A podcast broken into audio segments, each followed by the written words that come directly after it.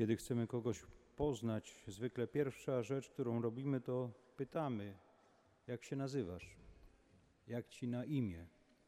Dzisiaj Ewangelia nam podaje imię Boga, takie imię, którym On sam siebie przedstawia, którym chce się nazywać, mianowicie Emanuel, to znaczy Bóg z nami. W Piśmie Świętym oczywiście imię nigdy nie jest tylko takim zawołaniem, ale zawsze coś bardzo ważnego w sobie zawiera o osobie, którą, która to imię nosi.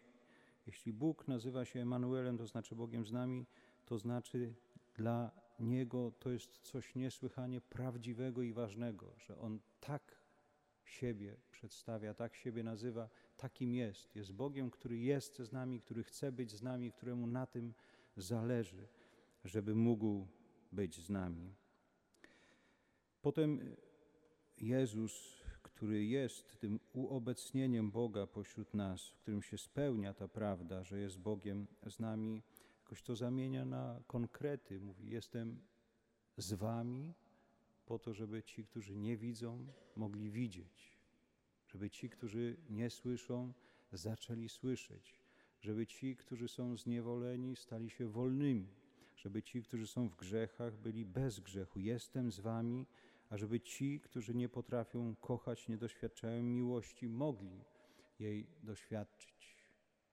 Bóg nam dzisiaj podaje swoje imię, myślę, że szczególnie z dwóch powodów.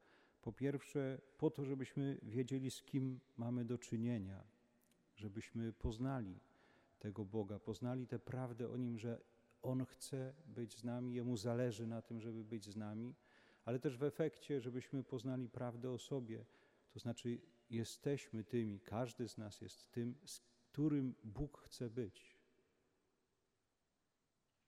Każdy z nas jest tym, z którym Bóg pragnie być. Jemu zależy na tym, żeby być z nami, z każdym z nas.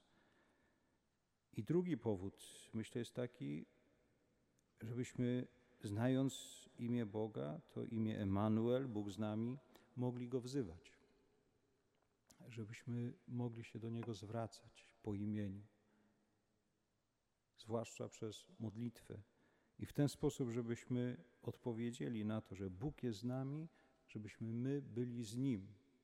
Wtedy możliwe jest prawdziwe spotkanie, wtedy możliwa jest prawdziwa wspólnota, możliwa jest prawdziwa komunia nasza, każdego z nas z Bogiem. Amen.